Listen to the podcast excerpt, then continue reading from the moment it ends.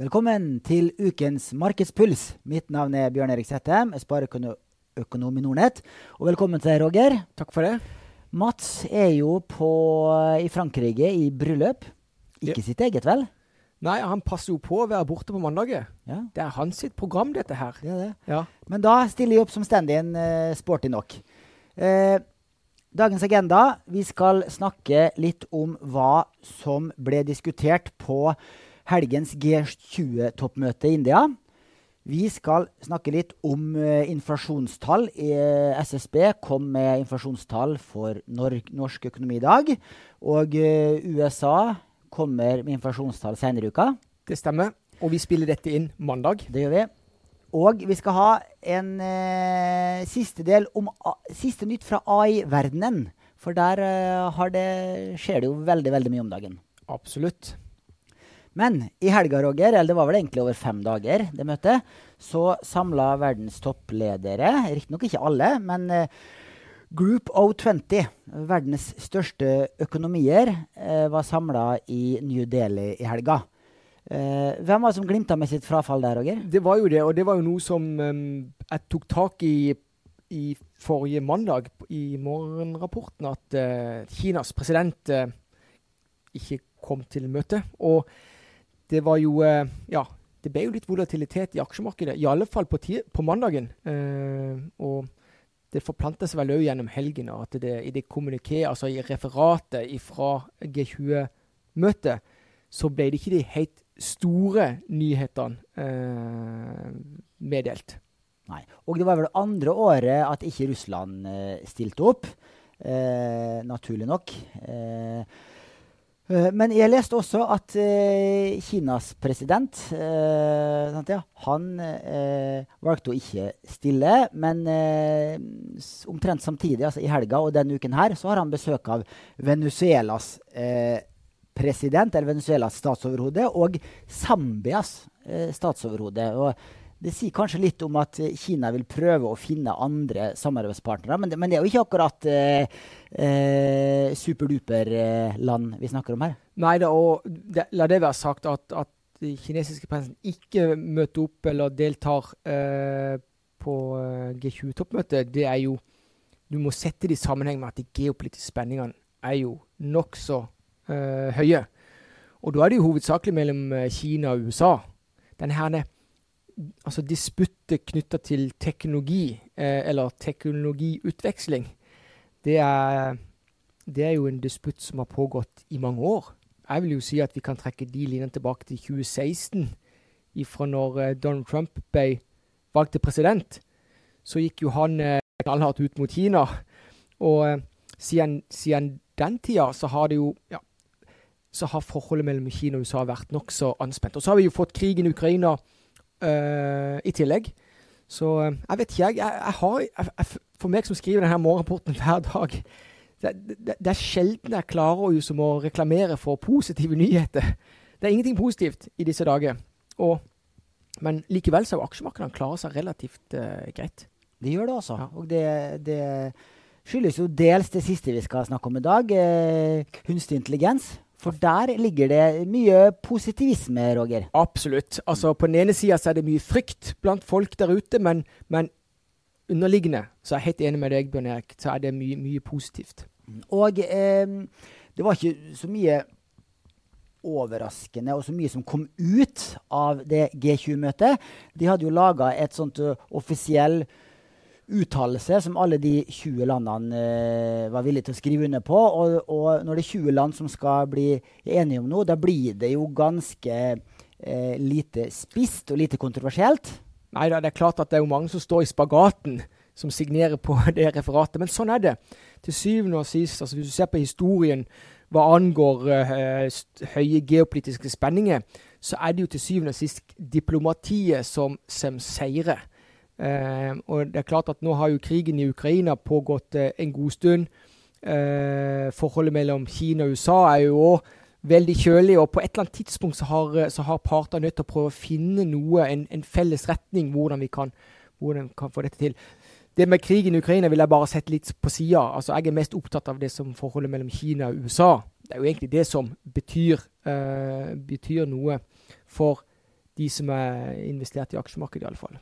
For uh, når det gjelder da Russlands invasjon av Ukraina, så ble det jo ikke enighet om å uh, om en, en, offisiell fordømmelse av den invasjonen, men man ble enige om å få inn en setning om å respektere territoriell integritet og arbeide for en rettferdig fred for Ukraina. Mm. Og det er det viktigste. Og det er jo et sånn et Iallfall for, for min vedkommende som lever ånde for denne Buffett-filosofien, eh, hvor eh, du stort sett eh, snakker om eh, tre parametere. Eh, og det ene er jo energinivå, og det andre er intelligens, og det andre, tredje er jo, og viktigste er integritet. Så, så, så uh, i alle sammenhenger hvor integritet flettes inn på en god måte, så er, så er jeg positiv eller optimist. For til syvende og sist, all verdi et enkeltindivid har, et selskap har, en nasjon har, uh, den er linka til integritet. Om du kan stole på vedkommende.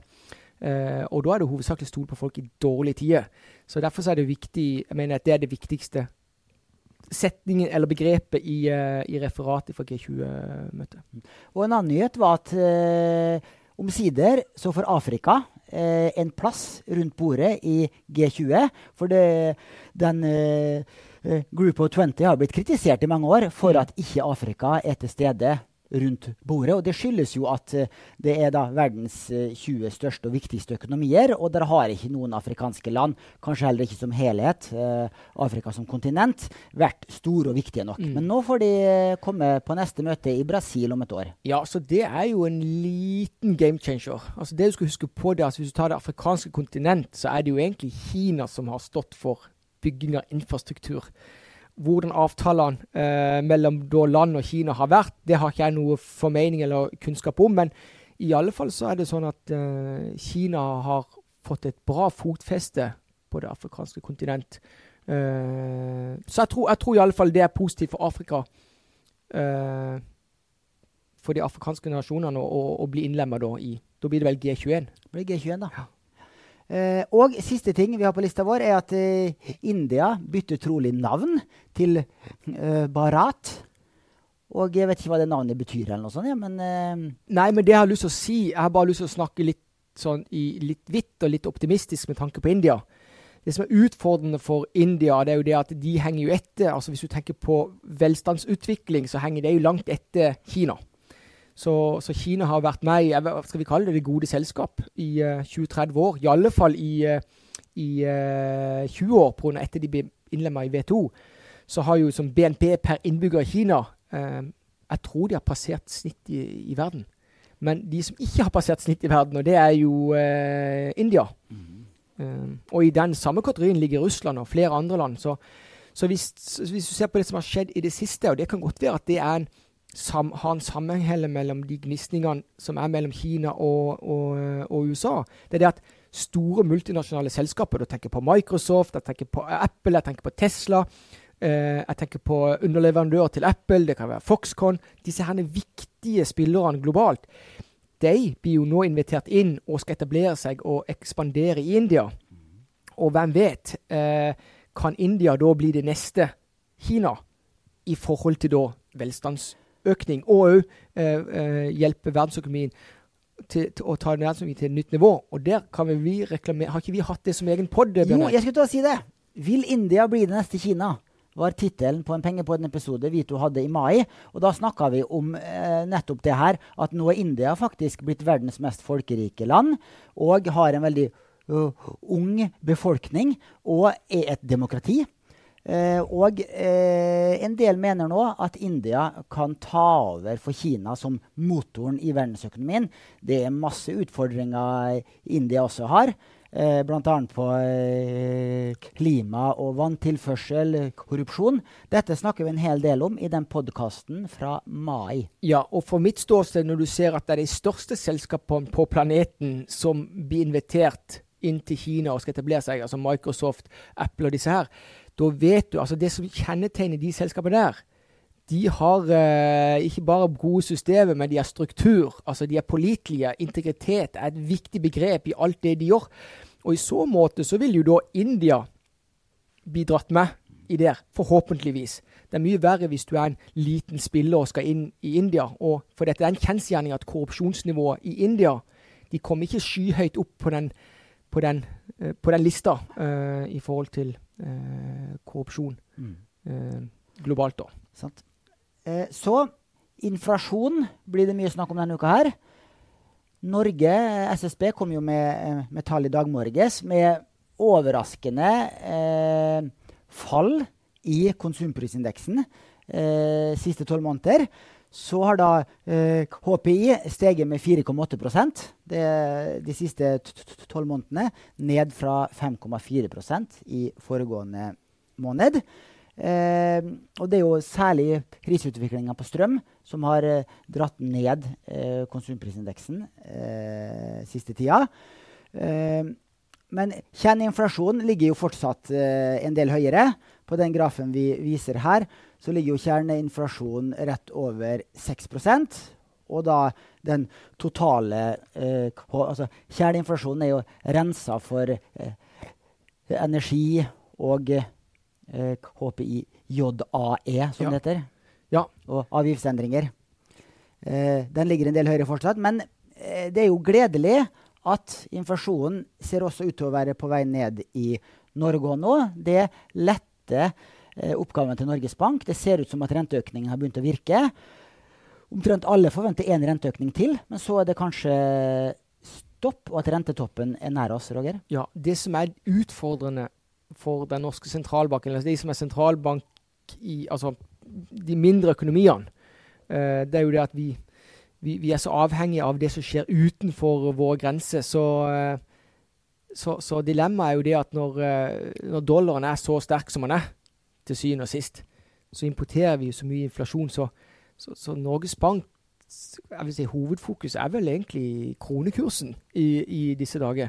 Og kanskje ikke kronekursen normaliserer seg før de geopolitiske spenningene eh, gir seg. Så kan vi få noe positivt drypp hva angår geopolitiske spenninger, så kanskje det kan være den viktigste bidragsyteren for å få ned inflasjonen eh, også. Så, så vi, vi, derfor så er det viktig å knytte sammen de temaene som vi har i dagens markedspuls. Altså på, på godt og vondt så, så hører ting sammen. Uh, men ja, i alle fall retninga nå, som du eh, henviser til, den, jo, den, går, den går jo riktig vei. En sånn liten mikroobservasjon. I disse dager skal jeg oppjustere leia på en eh, av de leilighetene jeg leier ut i Oslo.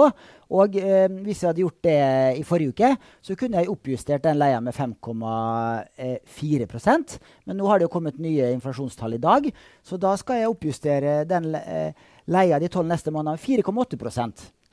Men Veldig så, hyggelig for eh, leietakerne eh, mine. det er det, og så kjenner jeg jo det går. Du, du er vel ikke veldig knallhard på eh, justering av Er du det? Nei, altså, jeg har det i leiekontrakten, Ja. men under uh, korona f.eks. Mm. så lot de være å oppjustere Ja. leia. For da, da, da hadde leietakerne mine sine utfordringer. Og jeg hadde også noen studenter i en leilighet, og de var jo mye hjemme, så da jeg ikke det var riktig av meg å oppjustere den leia, f.eks. Så jeg er ingen bolighai, jeg er en boligsardin, Herlig. Vil jeg gjerne sagt.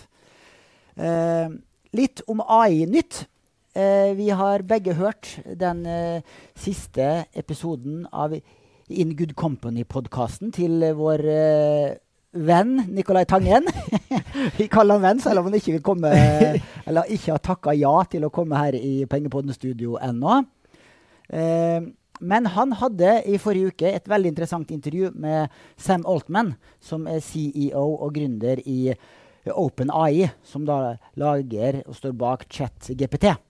Ja, la det være sagt. altså Jeg har bare lyst til å spinne litt på det. For jeg prøver jo å hjelpe deg, Bjørn Erik, til å få hanke inn eh, Nicolai Tangen i studio her. Det hadde jo vært bare fantastisk. Og det jeg har lagt merke på, jeg følger jo denne podkasten eh, til Tangen, og den er jo, den er jo jeg vil si, den er legendarisk. Eh, for det er få som får tilgang på alle disse toppene eh, verden rundt. Og det, det får jo Nicolai Tangen til hovedsakelig pga. at han er sjef for verdens største enkeltinvestor, altså hvor vi eier, halvannen prosent av alle børsnoterte selskaper på kloden. Og da tenker jeg sånn at eh, ja, eh, jeg vet at oljefondet er vel storeier i Nordnett. De eier i overkant av 5 av Nordnett-konsernet. Så da får, eh, da får du sende en e-post til Nicolai Tangen og så si sånn. Altså, ja, du bør komme til oss pga. det. Ja. Det er et veldig godt poeng, Roger. Jeg skal ta og gjøre det.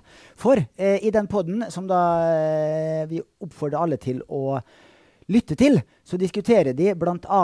hvor store produktivitetsøkninger man kan forvente. Eh, hvordan bør AI reguleres, og hva er endgame for AI? Når kommer eh, superintelligens? Og når kommer eh, AI til å være smartere og mer intelligente enn summen av alle mennesker på kloden? Dette er interessante spørsmål, Roger. Absolutt. Så dette er en herlig episode, men og i alle fall ja, vi, meg og deg, Bjørn, vi har faktisk eh, brukt en del tid i eh, både i Markedspuls og i Pengepod og litt forskjellige fora til å snakke om kunstig intelligens, for vi har allerede tatt det litt i bruk. Eh, ja, i, i, deler av vårt arbeid. Vi har sett effektene av det. Og i alle fall for mitt ståsted så er det jo betydelig sånn produktivitetsvekt. Jeg er jo rutinemenneske, sant? så det er lettere for meg å måle om jeg blir mer effektiv eller ikke det er jo ikke alle som har sånn type jobb, men dette var jo et av temaene som ble tatt opp i, i, i podkasten med Sam uh, Altman. Det var det, for Nicolai Tangen spurte Sam Altman eh, hvor mye Hvor stor produktivitetsvekst kan jeg forvente og forlange av mine ansatte i oljefondet eh, når de nå tar i bruk eh, AI og eh, ChatGPT? Og da eh, sa Nicolai Tangen at han hadde sagt at uh, hans ansatte skal bli uh, minst uh, 10 mer produktive i løpet av neste året. Og så spurte han Sam Altman om det var mye eller lite. Og da stilte Altman noen kontrollspørsmål. Hvor mange er det som programmerer i, i oljefondet. For jo større andel programmerere, jo høyere eh, produktivitetsvekst kan man forvente. En gjennomsnittlig programmerer, mente Sam Altman, kan bli mellom 100 og 200% mer effektiv i løpet av et år ved å bruke der, for du får så mye hjelp. Mm. Eh, så sa han ja, 15-20% av de oljefondene de eh, programmerer, og de andre har jo også bruk for det eh, i varierende grad. Og Da sa Altman nei, jeg mener du var litt for forsiktig. 20 gjennomsnittlig produktivitetsvekst det neste året mente han at uh, Nicolai Tangen kunne forvente av sine ansatte. Ja, og så er det jo litt viktig her. Altså, jeg vil si at nå har uh, Jeg tror hele kloden nesten har blitt altså, eksponert for kunstig intelligens i den formen som ja, som ChatGPT, iallfall, uh, eller det OpenAI står bak. Men det, det, som er viktig, det er at det er vel først i fjerde kvartal bare for å sette noen sånn, eh, tidspunkt som, hvor at ting kan begynne å akselerere. Uh, det bedrifter får lov For OpenAI kommer med to produktkategorier i løpet av fjerde kvartal, tror jeg. Uh, hvor, som heter OpenAI, jeg tror det er ChatGPT Enterprise, uh, og så er det en for small businesses. Hvor bedriftene nå kan eksperimentere som de vil, uten å frykte noe, med egne data. Sånn at eh, jeg vil tippe at det er mange som har tørrtrent nå. Og er klar for å, for å kunne implementere eller, eller uh, analysere egne data. Uh, uten å liksom, trenge å tenke på, på sårbarheten knyttet til det. Så, så, jeg tror fra 2024 og utover så tror jeg det liksom kan bli et helt nytt stepp altså, på produktivitetsøkning der ute. Men Eh, så er det jo slikt med de fleste nyoppfinnelser. Eh, det er Internett, smarttelefon. Eh, det har jo ført til at vi jobber på en annen måte, jobber mer effektivt. Men det å lese av det i økt økonomisk vekst er noe annet. Så det er ikke en Eh, det, er ikke en klar sammenheng mellom teknologiske forbedringer og økt økonomisk vekst og økt velstand. Nei, og da kommer vi tilbake til at til syvende og sist, for en bedrift skal få økt altså, verdi av dette, her, så må det være at de kan et gjøre et eksisterende produkt enda mer attraktivt, eller de kan få et nytt produkt ut i markedet enda raskere som følge av det. Det er jeg ganske sikker på det jevne selskap vil få til. Uh, og så er det til syvende og sist så må det være sånn for å ta verden til nytt nivå, så må de produktene som blir eh, skapt av bedriftene der ute, de må gjøre verden til et bedre sted. Og Nå kommer vi til kjernen i det hele. og Det er derfor i alle fall min filosofi, som er så linka til Buffett og de, det er jo det at hele tida tenk på det. Ha det som første, uh, første spørsmål du stiller. Blir verden et bedre sted med dette produktet? Og da er spørsmålet blir verden et bedre sted med at alle får tilgang til uh, kunstig intelligens som det, som, som det, fremstår i dag. Og det tror jeg altså er et eh, rungende ja på. altså. Ja, og der var jo de også, eh, Sam Altman var befriende tydelig på det. Mm. fordi at han sier det at eh, eh, ChatGTP og AI generelt vil bety mest for den fattige delen av befolkninga i verden. For de har ikke tilgang til en lege i dag. De har ikke tilgang til en advokat i dag. Nå kan du på mange måter bruke eh, chat-GPT som din lege og skrive inn hvilke symptomer du har, og eh, stille oppfølgingsspørsmål og få gode svar, altså. Mm. Og sammen med en advokat. altså eh, eh Be, eh, be ChatGTP skrive et brev eh, som om det kom fra en advokat. Mm. Jeg, har, eh, jeg, skal klage på en sykkel eh, som, er, som, ikke holder den kvaliteten som jeg ble lova. Skriv det brevet som om det kommer fra en advokat. Mm. Så kan ChatGPT skrive det brevet på en veldig veldig god måte. Ja, eller så har et annet beskrevet på en annen måte. Så det, det, som skiller meg og deg, eh, Bjørn Erik, det er jo det at du er jo top notch når det kommer til skriveferdighet og formuleringsevne. Det er ikke jeg. Jeg har alltid hatt problemer med norsk som fag, fra liksom barneskolen oppover. og uh, Jeg føler da at i alle fall for mitt ståsted, så har jo ChatJPT altså jeg, tatt, jeg, føler jeg har tatt meg sjøl til et nytt nivå som en følge av det. Jeg kommer aldri opp på et nivå uh, av de, de, som er veldig gode journalister. Men uh, fordi at De vil bare akselerere ifra når de bruker dette. Men jeg føler i alle fall jeg har brutt noen barriere. Og det er befriende for, for mitt ståsted. Så jeg, jeg, jeg, håper og tror at de veldig lite med norsk og måte evne til å kommunisere, kan uh, få et nytt løft med å bruke dette på riktig måte. Absolutt, for den skriver jo utrolig bra, altså. Ja. Det, det, er så bra norsk som eh, ChatGPT leverer. Og det her er bare versjon fire. Mm. Ja, det kommer jo uh, flere versjoner etter hvert. Ja. Og det kommer til å bli uh, førsteklasses professor i norsk. Og det er vel òg noe som Sam Altman har vært inne på. Altså, det, er, det er ikke Altså, det er bare versjon fire, ikke vel? Vi er fremdeles langt ifra potensialet. Så her blir det bare å følge med videre på, på, utvikling innen AI. Det blir det. Og når det gjelder regulering, så uh, spurte jo Nicolai Tangen om det vil komme uh, en global regulering av kunstig intelligens. Og der svarte Sam Altman både ja og nei. Altså han sier at han tror det er hvert enkelt land eller gruppe av land som eh, vil forbeholde seg retten til å definere hvilke modeller for kunstig intelligens de vil akseptere. Men på et eller annet annet eh, tidspunkt så må det også komme en global regulering, fordi teknologien er potensielt ekstremt farlig. Eh, du kan jo tenke deg at hvis eh, robotene og maskinene skulle ta over verden og lage en atomulykke eller en klimakatastrofe, ja. så må man ha reguleringer for sånt. Ja, og der var han Men er det ikke sånn at alt nytt er farlig, er det ikke det? Der har du vel den flåklypa hva heter han? Er det Ludvig? Ja, ja. Ikke vel? Det er farlig, det. Nettopp. sant? Så husk på det. Jeg vil si, jeg vil si frykt, frykt handler først og fremst øh, er knyttet til at ikke du vet. Mm. Når ikke du vet noe, så, så, hvis ikke du vet, så må du sette deg inn i det. Så må du forstå hva som er det positive eller fordelen med og, og ulempen med det. Men øh, ja. Mm. Uh, nei, for han, uh, Sam Altman sa at han tror vi kommer til et tidspunkt der hvor AI er smartere enn alle menneskene til sammen.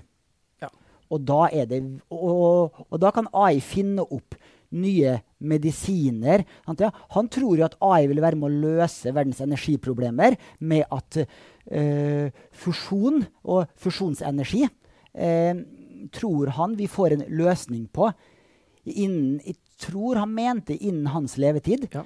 Og i så fall så kan vi jo da øh, Da blir jo kostnaden på energi nær null. Mm. Kostnaden på intelligens og kunnskap mm. blir nær null.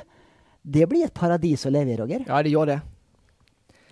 Det hadde vært fantastisk hvis at uh, eh, AI kan ta oss dit om x antall år. Og det, det, det, satser vi på. Men i alle fall så er det Vi må ikke glemme her uh, at vi har kommet i den situasjonen. Det skyldes jo hovedsakelig at uh, det har vært ekstrem innovasjon innen tech-feltet.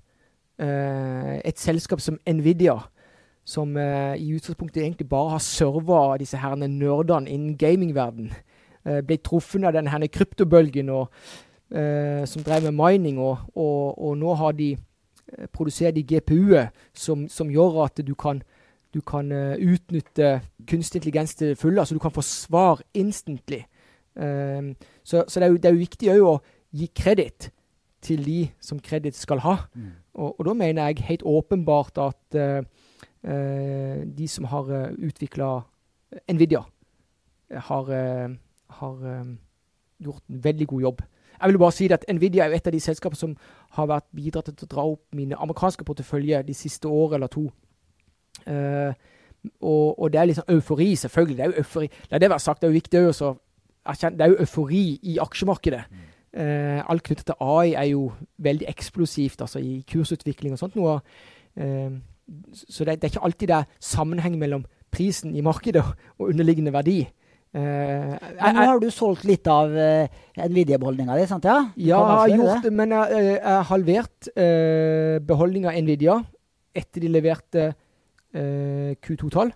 Men jeg brukte provenyet, som det heter, til å vekte meg opp i AMD. Så, ja, som en annen chip-produsent? Ja, så de er, de er, next in line. Så hvis det er noen som skal prøve å tette gapet til Nvidia, så er jo det AMD. Uh, for, for, uh, så, så jeg, jeg, jeg, vil si, jeg, har ikke, for, jeg har ikke forlatt uh, selve space eller industrien, men Nvidia er nummer én i dag.